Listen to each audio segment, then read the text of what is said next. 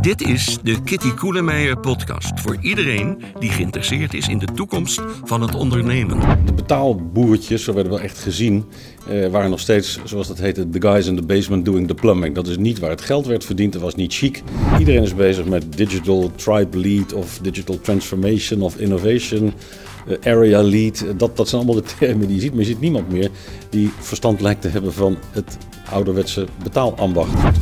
Eh, Als je straks alleen met die betaalrekening blijft zitten en je hebt niet meer die andere producten om die kosten goed te maken, dan gaat het een keer fout natuurlijk.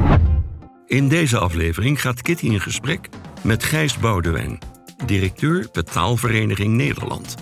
Kitty spreekt met Gijs over ontwikkelingen in het betalingsverkeer, de digitale euro, de impact van technologie en de rol van de overheid. Ik spreek met Gijs Boudewijn, interim directeur van Betaalvereniging Nederland. Gijs, je hebt een hele lange carrière al in de samenwerking eh, in het bankwezen achter de rug. Ja, dat klopt. Ik ben op de een of andere manier, ik heb ooit rechten gestudeerd en ben ik heel lang geleden in het betalingsverkeer gerold. Daar kun je niet voor kiezen, daar rol je dan in.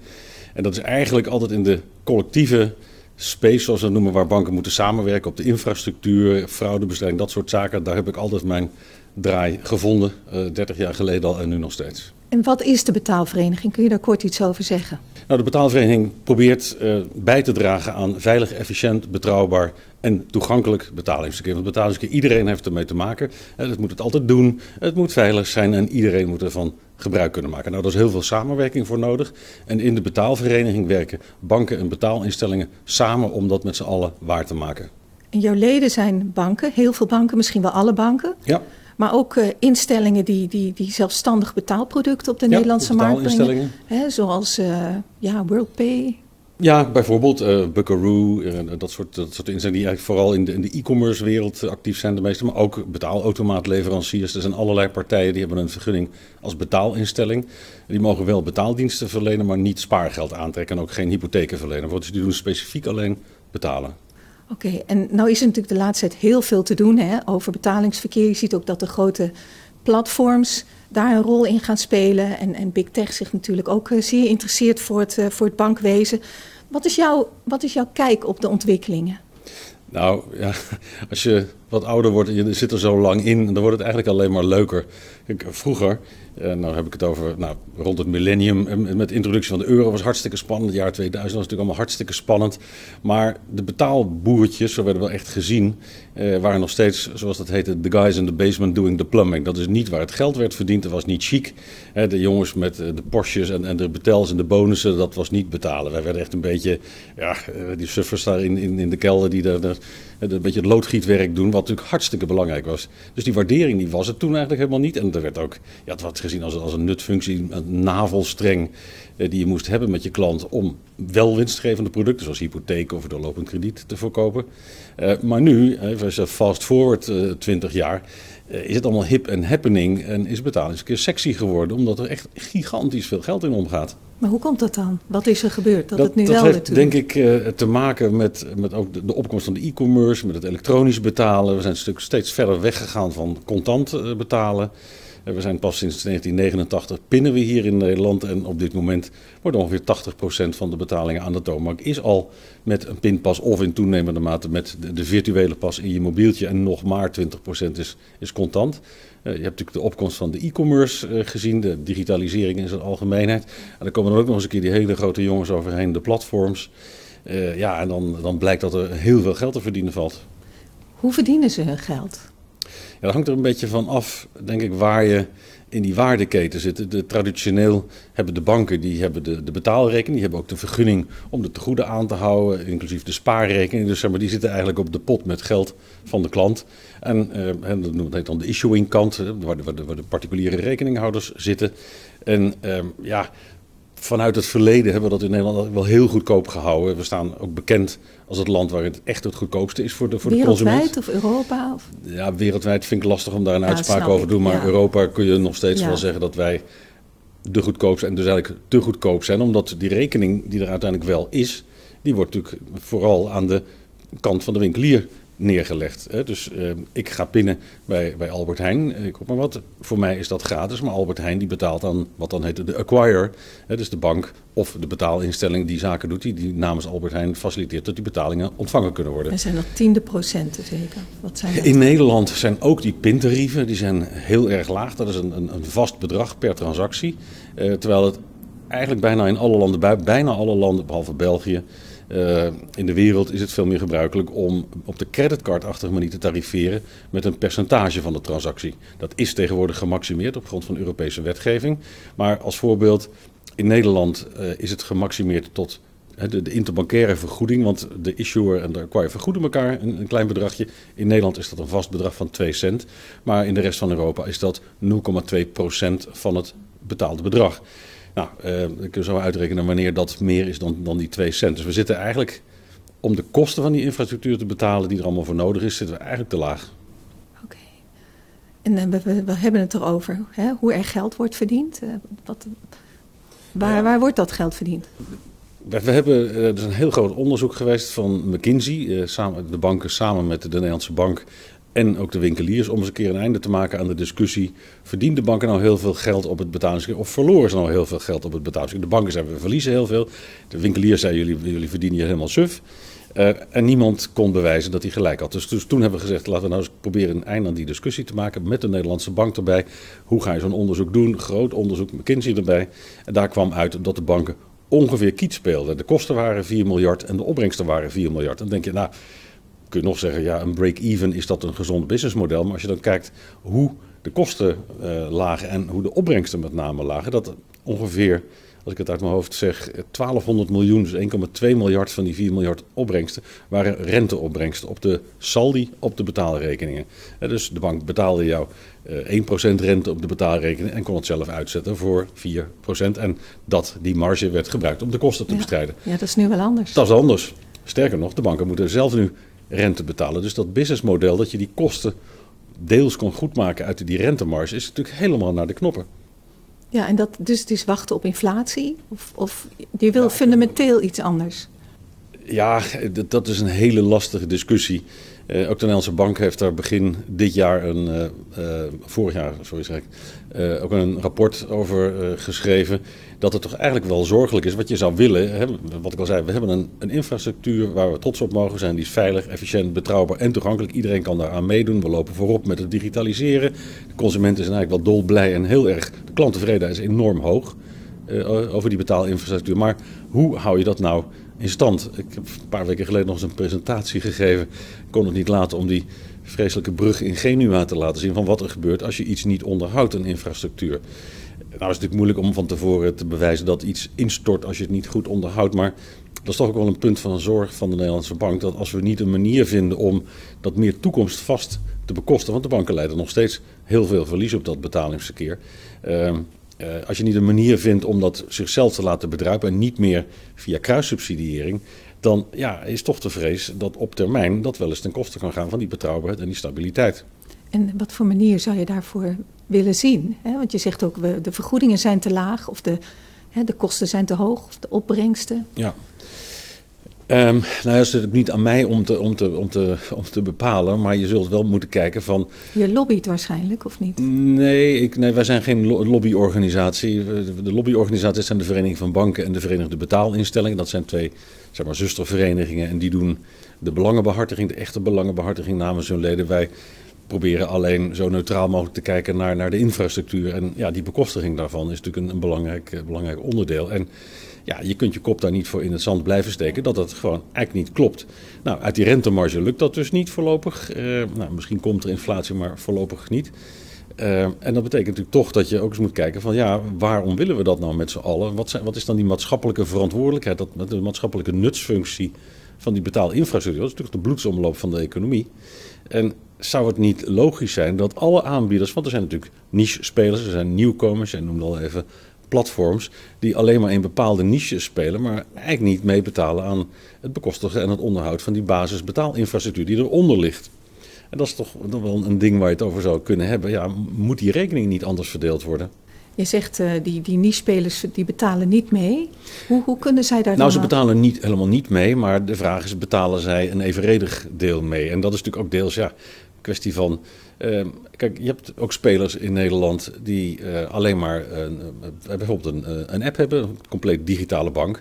Maar hun klanten vinden het toch weer fijn om geld uit een, soms, voor whatever reason, toch contant geld uit een geldautomaat te halen. Daar wordt wel een vergoeding voor betaald, maar de vraag is of dat wel genoeg is. En als dat niet genoeg is, dan zitten degene van wie die geldautomaten zijn, dan dat zijn natuurlijk meer de traditionele banken die dan weer samenwerken in geldmaat, ook weer vanuit efficiency overwegingen, die dan uiteindelijk met een stukje onbetaalde rekening zitten. Ja, en... Dus het is, het is vooral ook een verdelingsvraagstuk. En betalen was natuurlijk altijd het eind van de customer journey. Een soort verplicht iets. Oh ja, er moet ook nog betaald worden. En je ziet dat die techpartijen die dat betalen ook helemaal integreren. Hè? Ook, ook onderdeel maken van, van een frictieloos, zo min mogelijk frictieplatform. Uh, spreek je ook met die techpartijen? Ja, het, het Zijn je is, leden ook? Ik, ik, ik, zei gisteren nog tegen. Uh, nee, want nou, soms wel, soms niet. Hangt er vanaf of ze een vergunning als bank. Hè, onze, een van onze nationale trotsen, Adyen, is gewoon een bank. Alleen je kunt er als particulier volgens mij nog geen rekening halen. Maar, dat maar die zijn wel lid, hè? Maar die, ja. Nee, die zijn ook, die zijn ook geen lid, maar bijvoorbeeld Bunk uh, weer wel. Maar dat zijn gewoon vergunninghoudende kredietinstellingen. Dus die kunnen gewoon, uh, maar ook als betaalinstelling kun je gewoon lid worden. Um, maar er zijn natuurlijk ook techpartijen die geen vergunning hebben. Maar er zijn ook de, de internationale card schemes, Visa en Mastercard, waar we gewoon heel veel contact mee hebben. Want al onze leden geven natuurlijk wel hun pasjes uit. Veel overleg mee werken we heel goed mee samen, maar ze zijn geen lid. Het is ook een beetje een schijntegenstelling. Hè? Je denkt de bankaire wereld een beetje, ja, nou suffig is niet het goede woord, maar het is natuurlijk toch wat traditioneler. Daarnaast heb je natuurlijk die, die wat, uh, ja, wat, wat modernere techwereld. Als ik naar jou kijk, je, jij bent, je voelt je thuis in beide gremen. Ja, hè? Ik, ja. ik weet dat jij enorme, enorme kennis hebt ook van wat er, wat er op het gebied van tech gebeurt. Um, wat, zou jij, wat zou jij nou willen zien? Ik bedoel, wat, wat is voor jou nou een oplossing of wat, wat is een toekomstbeeld?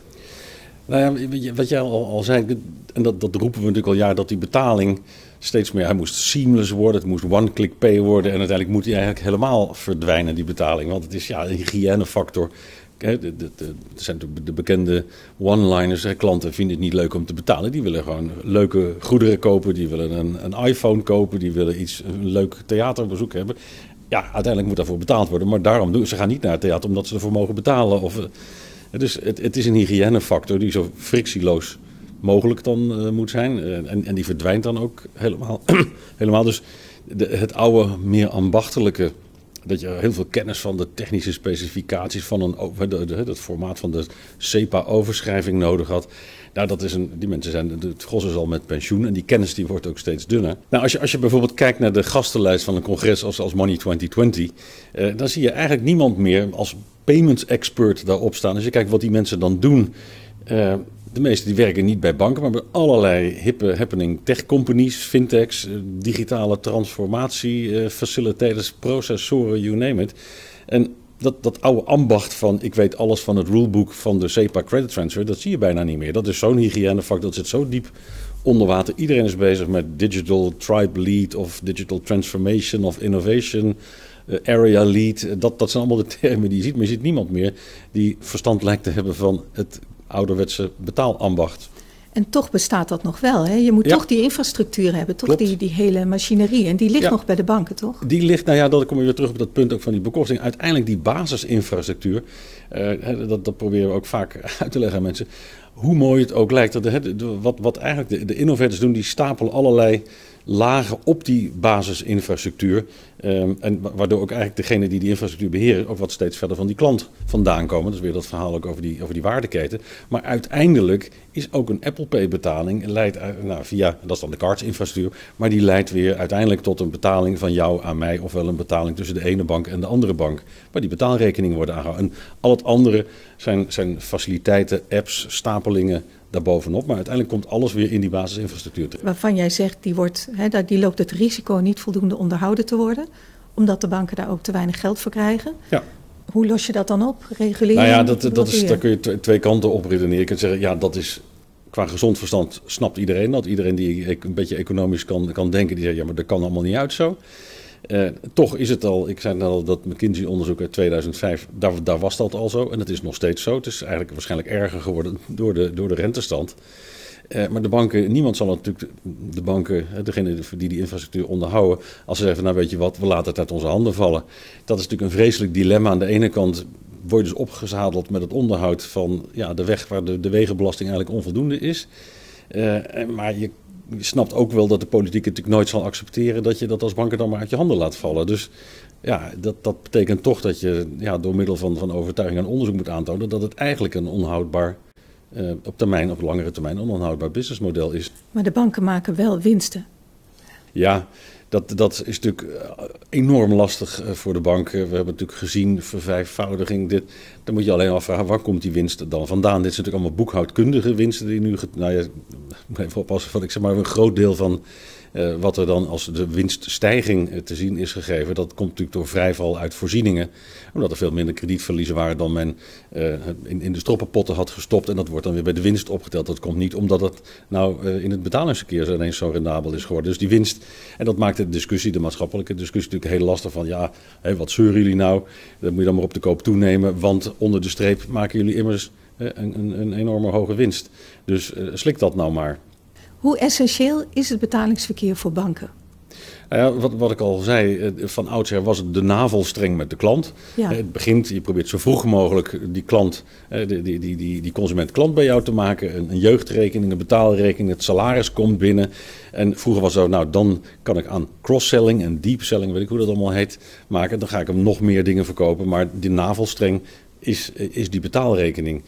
Um, ik denk dat dat wel de, in de afgelopen decennia steeds verder aan het afkalven is. Omdat vroeger was het zo, je had die betaalrekening en dan ging je ook je verzekering en je krediet en je hypotheek bij diezelfde bank doen. Maar we hebben natuurlijk en je spaarrekening en dan kon dat uh, uit. Want uiteindelijk, het is net als uh, de, de, de, dat cola gedumpt wordt in de supermarkt, onder de kostprijs misschien. Maar als ze met een volle winkelmand weggaan, dan maak je dat wel goed bij de kassa. Ja. Dat verlies op die, op die cola, hè, die actie, dat actieding.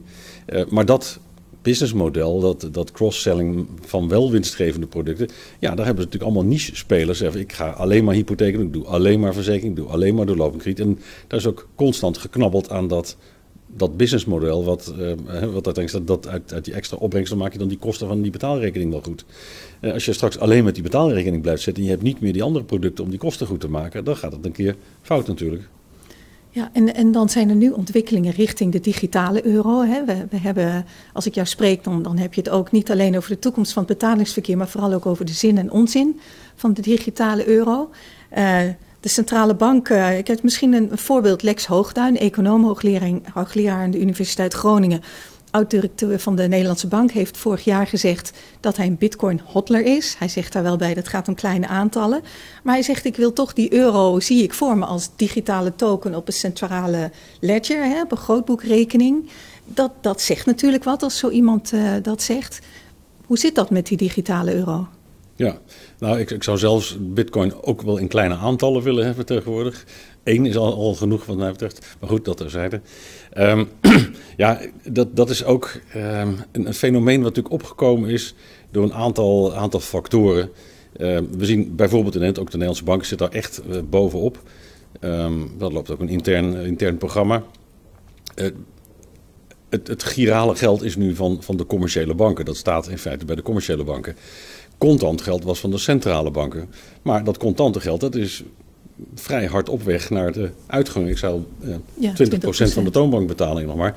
Dat is iets anders dan de hoeveelheid contanten in omloop. Want er ligt nog heel veel onder de matrassen. En zeker buiten Europa, in Rusland, in nou ja, anywhere in the world. Liggen enorme hoeveelheden maar euro's. ook veel euro's nog, denk ik. Ja, ja, dollars en euro's. Eh, maar die worden niet gebruikt om reguliere betalingen te doen. Dat is, nee, duidelijk. Omdat ze ze niet op een gewone bankrekening kunnen, willen of mogen zetten.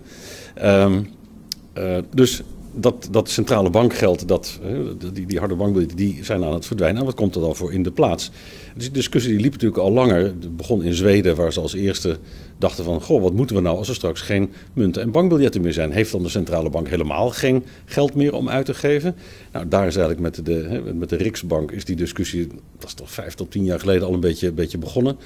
Uh, en dat is zeker ook in een stroomversnelling gekomen toen, de, toen Facebook met, met de Libra begon. Toen dacht ineens die centrale banken, ja wacht even. En dat is dan wereldwijd, want uh, alles gebeurt tegenwoordig globally.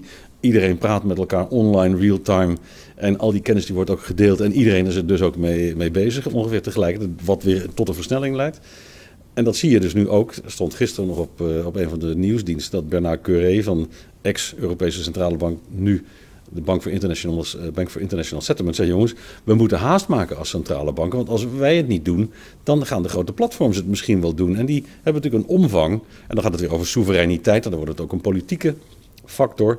Als, als wij dat niet rap doen als centrale banken zelf, dan gaan de Facebooks en de Alibaba's van deze wereld het doen. En waar zijn wij dan nog? Maar dat zeggen ze al jaren inmiddels, ja, hè? Tuurlijk, maar ineens komt dat toch weer in een stroomversnelling door allerlei ontwikkelingen. Uh, en dan hoef je ook niet meer af te vragen van, ja, uh, waarom doen we dat nou eigenlijk? Dus nu, als je nu niet op die trein springt, dan, dan mis je hem. We doen dat ook, wordt het dan? Ja, daar, daar lijkt het soms wel een beetje. Want als je dan kijkt van, van goh, want daar zijn we natuurlijk ook al van nadenken. Hoe zou dat nou eruit zien als ik ja. uh, in de winkel ga betalen met een digitale euro? Dan kun je natuurlijk zeggen, ja, maar wat kan mij dat nou, wat levert mij dat als consument nou op? Want ik kan nu toch al met mijn smartphone betalen. Ja. Dus dan heb ik zo meteen twee wallets in mijn telefoon zitten. De ene, daar zitten de digitale euro's in van de centrale bank. En de andere zitten de digitale euro's van mijn commerciële bank.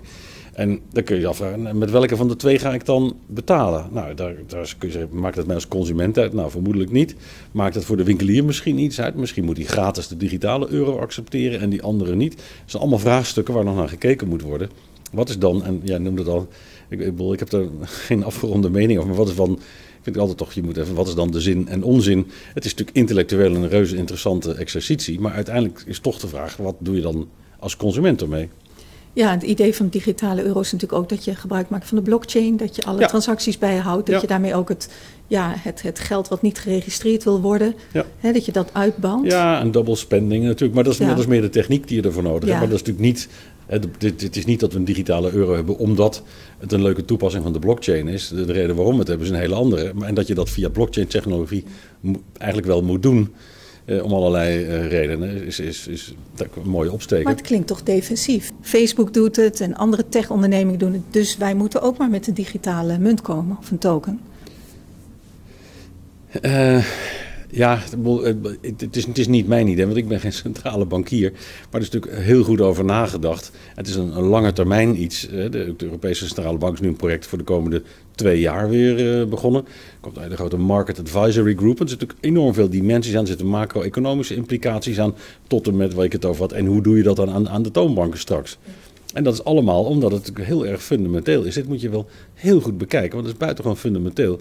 En als je, en dan denk ik toch een beetje de, de, de trigger op dit moment. Als, als we dat niet versneld doen, dan lopen we tenminste het risico dat er uh, niet uh, centrale banken of niet, lidsta niet, niet landen zijn, maar commerciële, grote commerciële partijen die zodanige omvang hebben dat ze het ook kunnen.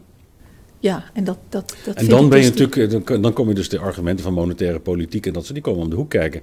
Dat gaat dat is om, om ja, de, de zelfstandigheid van, van landen, dat gaat om soevereiniteit.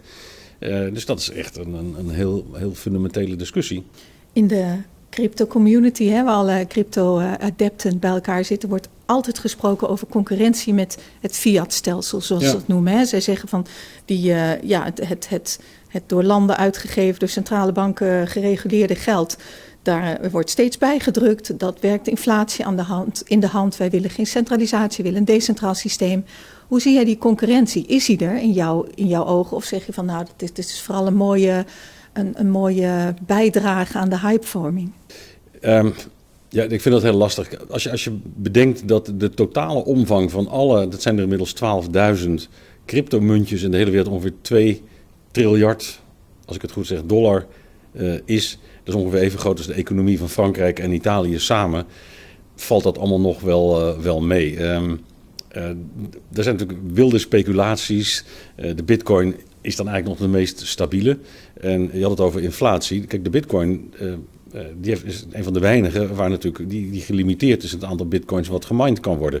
Um, maar er zijn natuurlijk zat shitcoins, zal ik maar zeggen, waar je even goed inflatie mee kunt veroorzaken, omdat je er ongebreideld van kunt blijven uitgeven. dus dat, dat is niet, niet per se een, een eigenschap van, van een Um, uh, op, op welke blockchain dan ook gebaseerde coin. Uh, het is maar hoe je hem bouwt. Dus je kan dat, dat net zo goed met inflatie uh, erin, erin bouwen. maar de vraag is denk ik veel fundamenteel. Het gaat uiteindelijk allemaal om, om vertrouwen. En uiteindelijk gaat het erom hoe bescherm je nou de welvaart van de consument? Dat is gewoon een basisafspraak in de maatschappij. We hebben een munt, we noemen dat de fiat-munt. Die wordt gereguleerd, die wordt uitgegeven door de centrale bank doorgaans, of in ieder geval door de overheid.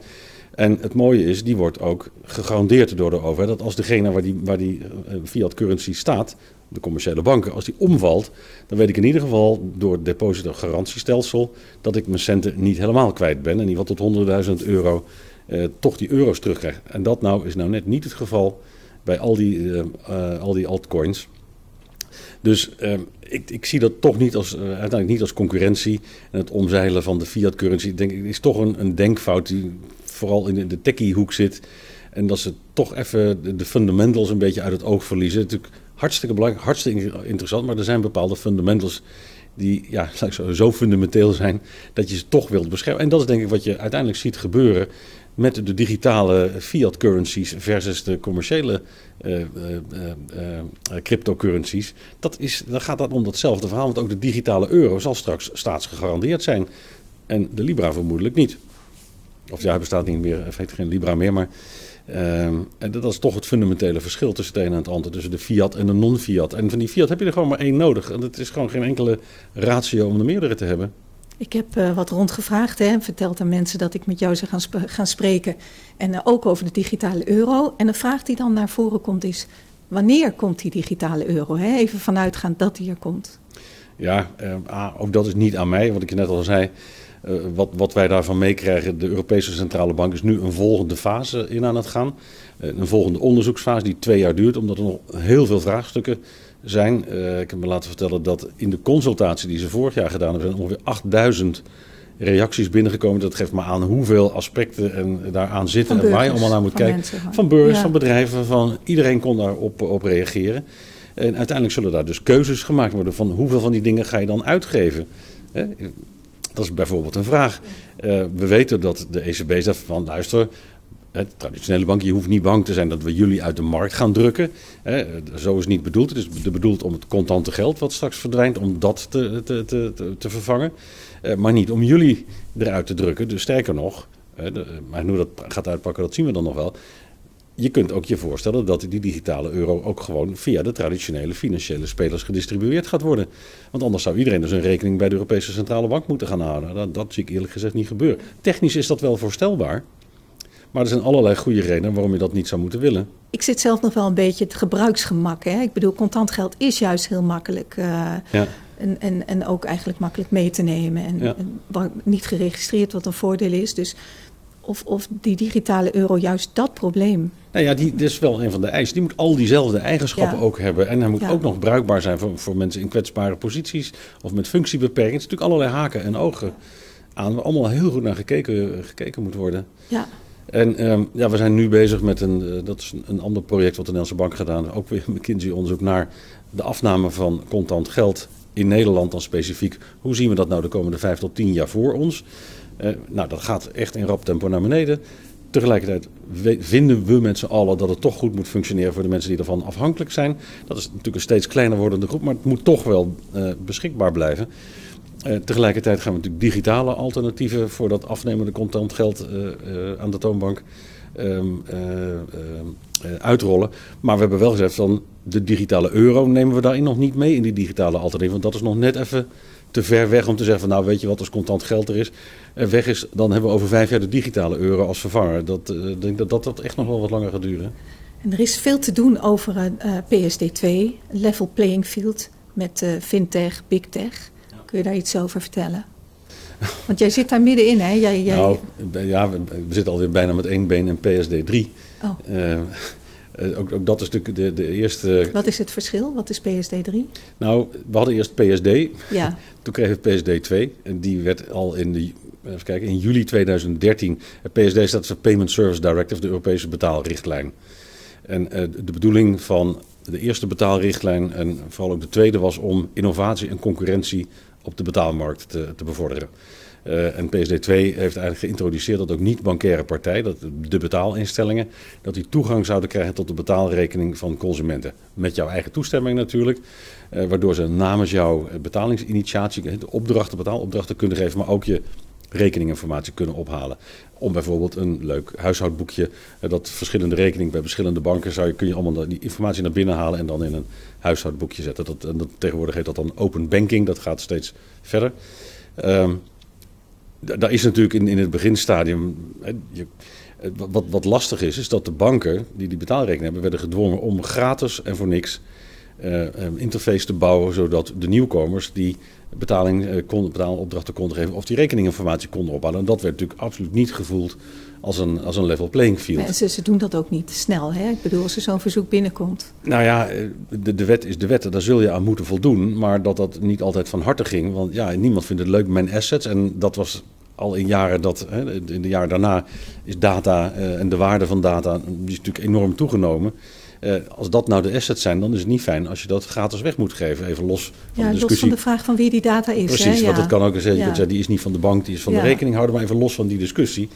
Uh, is het natuurlijk niet een, uh, ook puur economisch redenerend, nou niet meteen een goede incentive om te zeggen van luister bank, je hebt iets heel waardevols, maar die kroonjuwelie moet je dan ook wel gratis afstaan aan een nieuwkomer. En die gaat jou vervolgens beconcurreren en dan met jou, gaat ook tussen jou en jouw klant in zitten.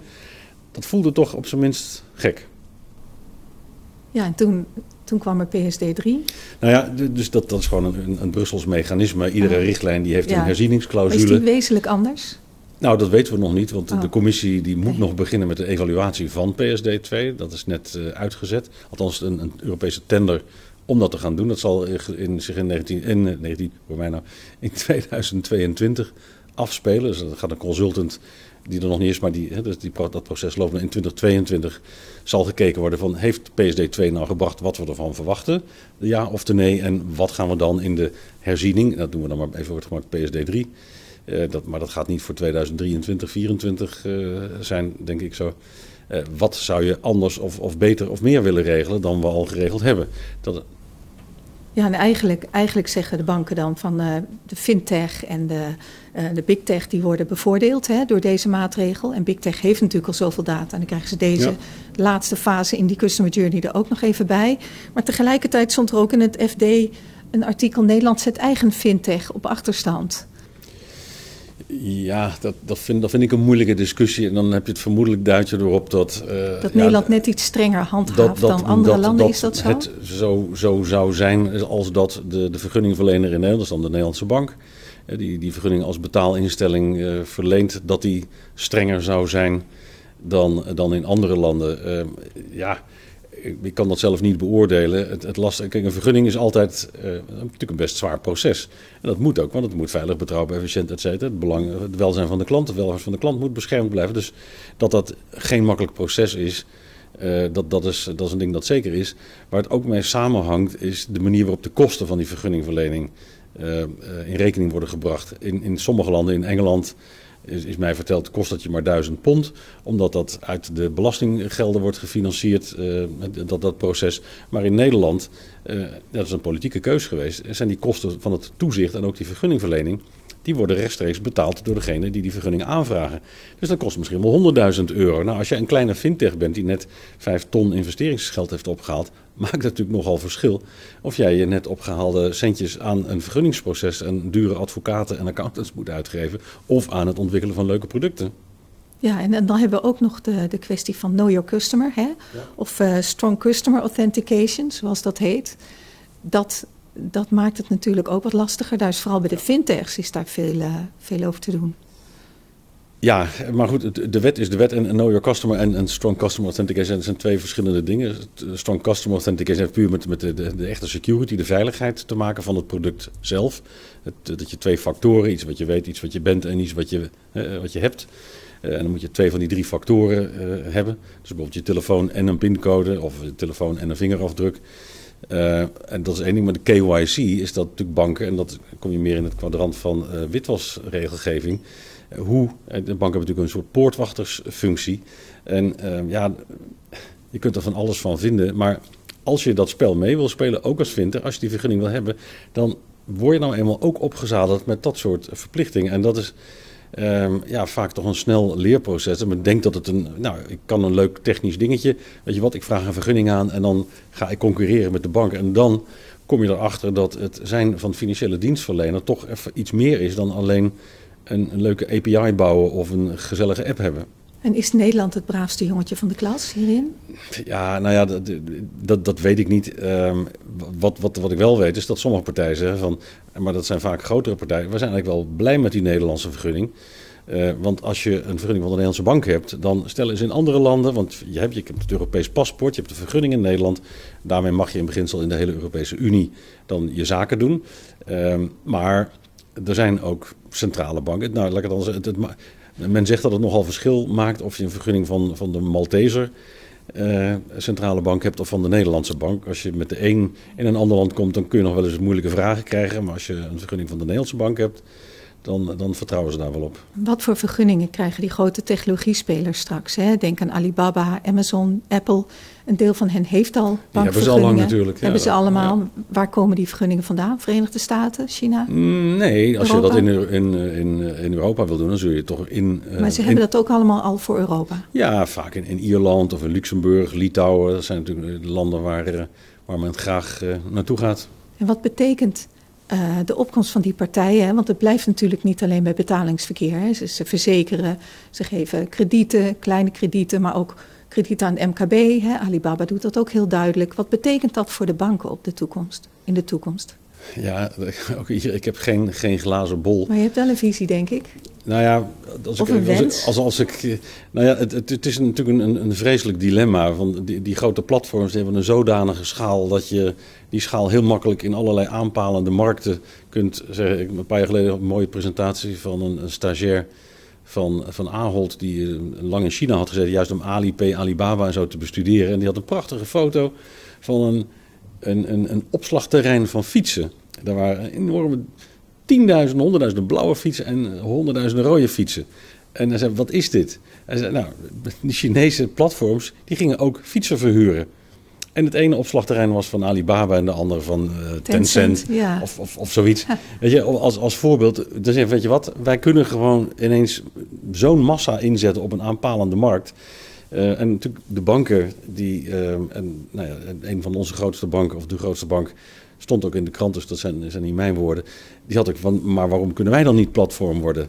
En kunnen wij niet die aanpalende diensten allemaal gaan aanbieden? En dat is dan toch een kwestie van schaal.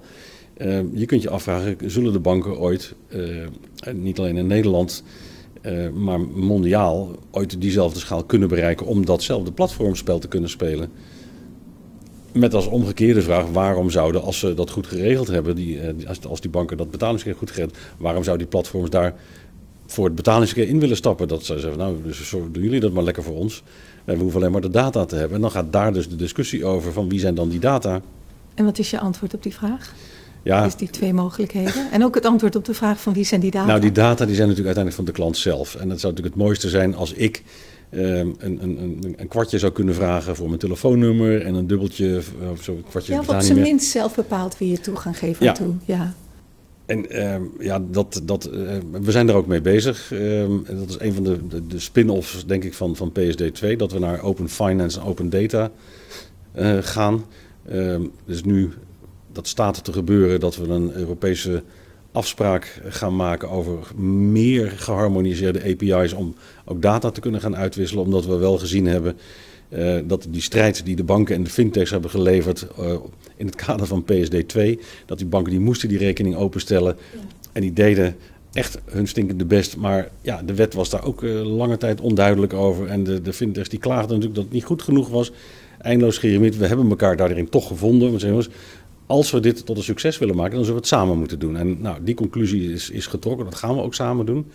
En eerst voor betalen, om dat beter te maken. Maar ja, we zijn al bezig met open. Hè, dat is dan PSD2 als begin.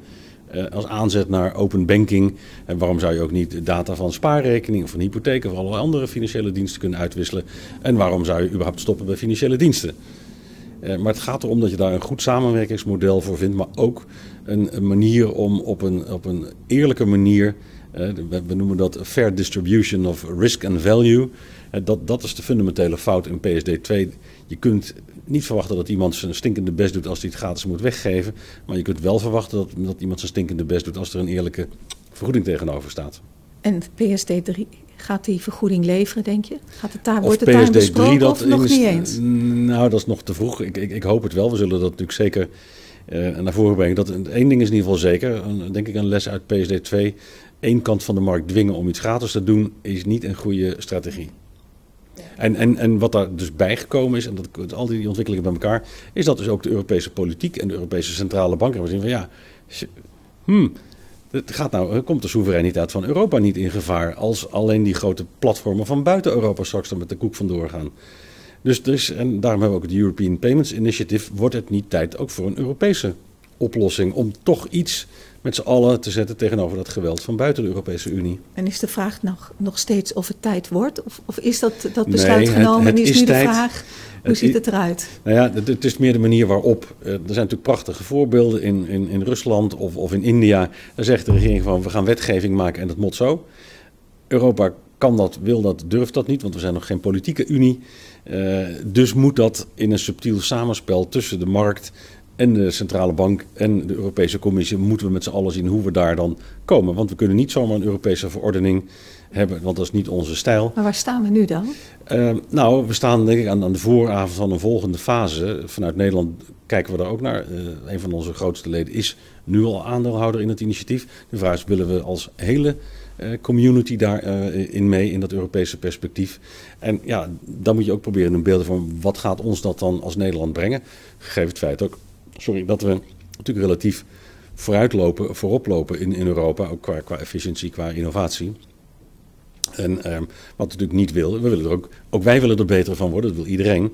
dus Europa is, is natuurlijk prachtig, uh, maar wat ik al zei, de bekostiging die moet wel op orde zijn. En ja, de consumenten in Nederland willen natuurlijk ook niet met slechtere producten komen te zitten straks dan ze nu kennen. Nee. En je hebt het natuurlijk, dit zijn natuurlijk toch grote verschuivingen hè, in, het, in, niet alleen het betalingsverkeer, maar ook in de, in de financiële wereld hè, die je hierdoor gaat krijgen. En we komen natuurlijk van een tijd dat instituten zoals banken, en hetzelfde geldt natuurlijk voor andere sectoren hè, zoals retail, dat, dat waren organisaties die, die, ja, die omvatten een aantal functies die, uh, hè, die bij het bankaire wereldje hoorden. Hetzelfde ook voor retail. Maar jij kent ook de uitspraak, hè, we hebben geen, geen banken nodig, we hebben bank, bankaire activiteiten nodig. Hè? We, we don't need banks, we need banking. En dat is al lange tijd geleden door mensen als, uh, als Bill Gates gezegd. En, dus dat gaat natuurlijk een keer gebeuren. Ja, maar het is maar hoe je ernaar kijkt. Je kunt natuurlijk een bank zien als een marmeren paleis of een stapel bakstenen. Of je kunt de bank zien als een functie gereguleerde activiteit. En als je er zo naar kijkt, en dat zeggen we ook, ja, iedereen met een bankvergunning of een vergunning als betaalinstelling, of die nou alleen maar digitaal bestaat of dat hij een marmeren paleis heeft, dat maakt ons niet uit. Het gaat om, hebben ze de juiste papieren om die dienstverlening te mogen doen? En de banken kijken ook al zo naar? Dat denk ik wel, ja. Oké, dus, dus, maar jij, jij denkt banken die die blijven voorlopig nog leven de, hè, in de huidige vorm. Nou ja, we hebben het over betalingsverkeer. En ik ben geen expert op wat banken verder doen op de geld- en kapitaalmarkt. Maar betalingsverkeer is natuurlijk maar een heel klein onderdeeltje van de bankaire activiteit. Het gaat ook over de financiering van de economie, de financiering van het bedrijfsleven. Wel, daar hebben we het nou niet over. Dat zie je overigens natuurlijk ook wel, dat, dat uh, die grote platforms, die beginnen dan misschien met data en betalen. Maar denken van, hé, hey, is toch wel handig. Ik ga ook, uh, wat we natuurlijk enorm hebben zien exploderen de het afgelopen jaar, is buy now, pay later. Als je dan met die betaling niet zoveel geld kunt uh, verdienen, dan gaan we meteen online uh, real-time krediet verlenen. Van u wilt die tv, weet je wel, we financieren meteen voor u. Dat is natuurlijk wereldwijd ineens booming, BNPL. Dat is natuurlijk het buzzword op dit moment van een businessmodel waar iedereen denkt, nou, dat smaakt naar meer. Nou weet ik dat banken heel goed op de hoogte zijn hè, van, de, van de, ook de technologie, de fintech, de big tech. Kijken daar heel sterk naar, ontwikkelen ook zelf allerlei initiatieven. Wat, is nou, wat, wat hebben de banken nou nodig om hier echt effectief een goed antwoord op te vinden, denk je? Help de, de dreiging van die nieuwe, nieuwe ondernemingen nou, die hun voordeel doen met die gewijzigde regelgeving. Nou, de, de, de dreiging is wel duidelijk, daar praten we natuurlijk al, al jaren over. De vraag is, hoe, hoe pakt dat uit? Het, is toch, het, het, het duurt altijd net even langer en het pakt anders meestal net even iets anders uit. Dan je, kijk, als iedereen het van tevoren precies wist, dan, dan zat ik nu niet hier, maar op de Bahama's. Uh, dus het loopt altijd, altijd net even anders dan je, dan je, dan je denkt. Uh, ik denk dat een level playing field eh, heel belangrijk is, zeker vanuit het Nederlands perspectief ook in, die, in dat Europese perspectief zullen we moeten kijken hoe groeit dat Nederlandse businessmodel straks ja, naar dat Europese businessmodel. Dat gaat nog best een, lastiger worden. Want we willen niet het, uh, het, het, uh, het, uh, het Gallische dorpje in het grote Romeinse Rijk zijn. dat, dat, dat is best lastig. Hoe kom je daar dan? Ehm, ik geloof toch ook echt wel in, in de Europese gedachte dat als we dat goed doen, dat we echt iets Europees kunnen, kunnen hebben. Tegelijkertijd je kunt je niet afzonderen van de rest van de wereld. Dus dat betekent nog steeds samenwerken met die giganten. Ehm, dus, uh, maar je moet wel een serieuze partij zijn. Dus ik denk dat wat, wat we met z'n allen in Europa proberen te bereiken, dat we echt een serieuze partij zijn. Die ook af en toe eens met de vuist op tafel kunnen slaan. En niet alleen maar in een soort ja, slachtofferrol hoeven te zitten. Van oh jee, oh jee, die, daar komen de big techs. En dat zouden we meer moeten doen. Dat denk ik wel, ja. Nou, ik hoop dat dat, uh, dat, dat advies te harte wordt genomen. Gijs, we hebben natuurlijk veel, veel managers, ondernemers, ook mensen die op welke manier dan ook met betalingsverkeer te maken hebben. Maar ook uh, ja, met, met, met wat meer financieel gerelateerde activiteiten op, op uh, B2C-niveau. Wat is jouw advies aan die managers en ondernemers? Met het oog op alle ontwikkelingen die je zojuist hebt geschetst. Jee, daar overval je me mee, Kitty. Ja, um, ik zou zeggen, blijf gewoon je gezond verstand gebruiken. Dat is toch uiteindelijk altijd het, belangrijkste. Kijk goed wat er achter mooie verhalen zit. Denk goed na waar je instapt, op welke termijn. Want er zijn natuurlijk heel veel mooie verhalen. En uh, ja, uiteindelijk als consument gaat het toch om, om het vertrouwen. Uh, voel ik me nou veilig? Waar is mijn geld veilig? Uh, geloof niet alles. Er, er, wordt onvoorstelbaar veel, veel opgelicht. dat zien we ook met spoofing. Mensen die zeggen van... Uh, oeh, dit de fraudeafdeling van uw bank. Uw centjes, we staan op het punt om weggesluist te worden naar de Oekraïne of zo. Allemaal totale onzin. Blijf in vredesnaam je gezonde verstand gebruiken. En zijn er nog bepaalde informatiebronnen, websites... waar je mensen naar zou willen verwijzen? Waar gewoon goede dingen op staan? Um, nou, ik denk, ja, traditioneel de Consumentenbond, dat vinden we niet altijd leuk, maar die hebben natuurlijk altijd wel prima feitelijke vergelijkers. En als het gaat om meer zakelijk verkeer, waar, waar vind je dan goede informatie? Uh, nou, ook, ook, ook zeker op, op onze website uh, www.veiligbankieren. Daar staan ongeveer alle oplichtingstrucs die staan erop uh, op, uh, op vermeld. Uh, en ook dat spoofing, dat, dat noemt dan CEO-fraude. Soms worden e-mailaccounts intern gehackt. En dan krijg je in één keer als baas van een bedrijf... kun je even deze overboeking goedkeuren. En die komt dan schijnbaar van jouw eigen financiële administratie. Daar gaan gigantische bedragen soms mee de deur uit. En via instant payments, zoals we die tegenwoordig kennen... is dat binnen één of twee seconden is dat geld ook weg. Wordt doorgeboekt, doorgeboekt, doorgeboekt... en je kan dan je centen fluiten. Dus ook daar gebruik je gezond verstand. En als je van, nou, wat een rare factuur. Dat ondanks dat die van je eigen financiële afdeling lijkt te komen, misschien toch handig om even te checken. Nou, goed idee. Dankjewel, Gijs Boudewijn, voor uh, ja, jou, jouw inzicht in deze enorme dynamiek. Er uh, staat nog veel te gebeuren in de toekomst. Ja. Dankjewel. Ja, graag gedaan. Dit was de Kitty Koelemeijer podcast. Als je dit gesprek interessant vindt en vaker dit soort gesprekken wilt zien of horen, druk dan op die bekende knop. Want dan weet je één ding zeker: de podcast van Kitty wordt vervolgd.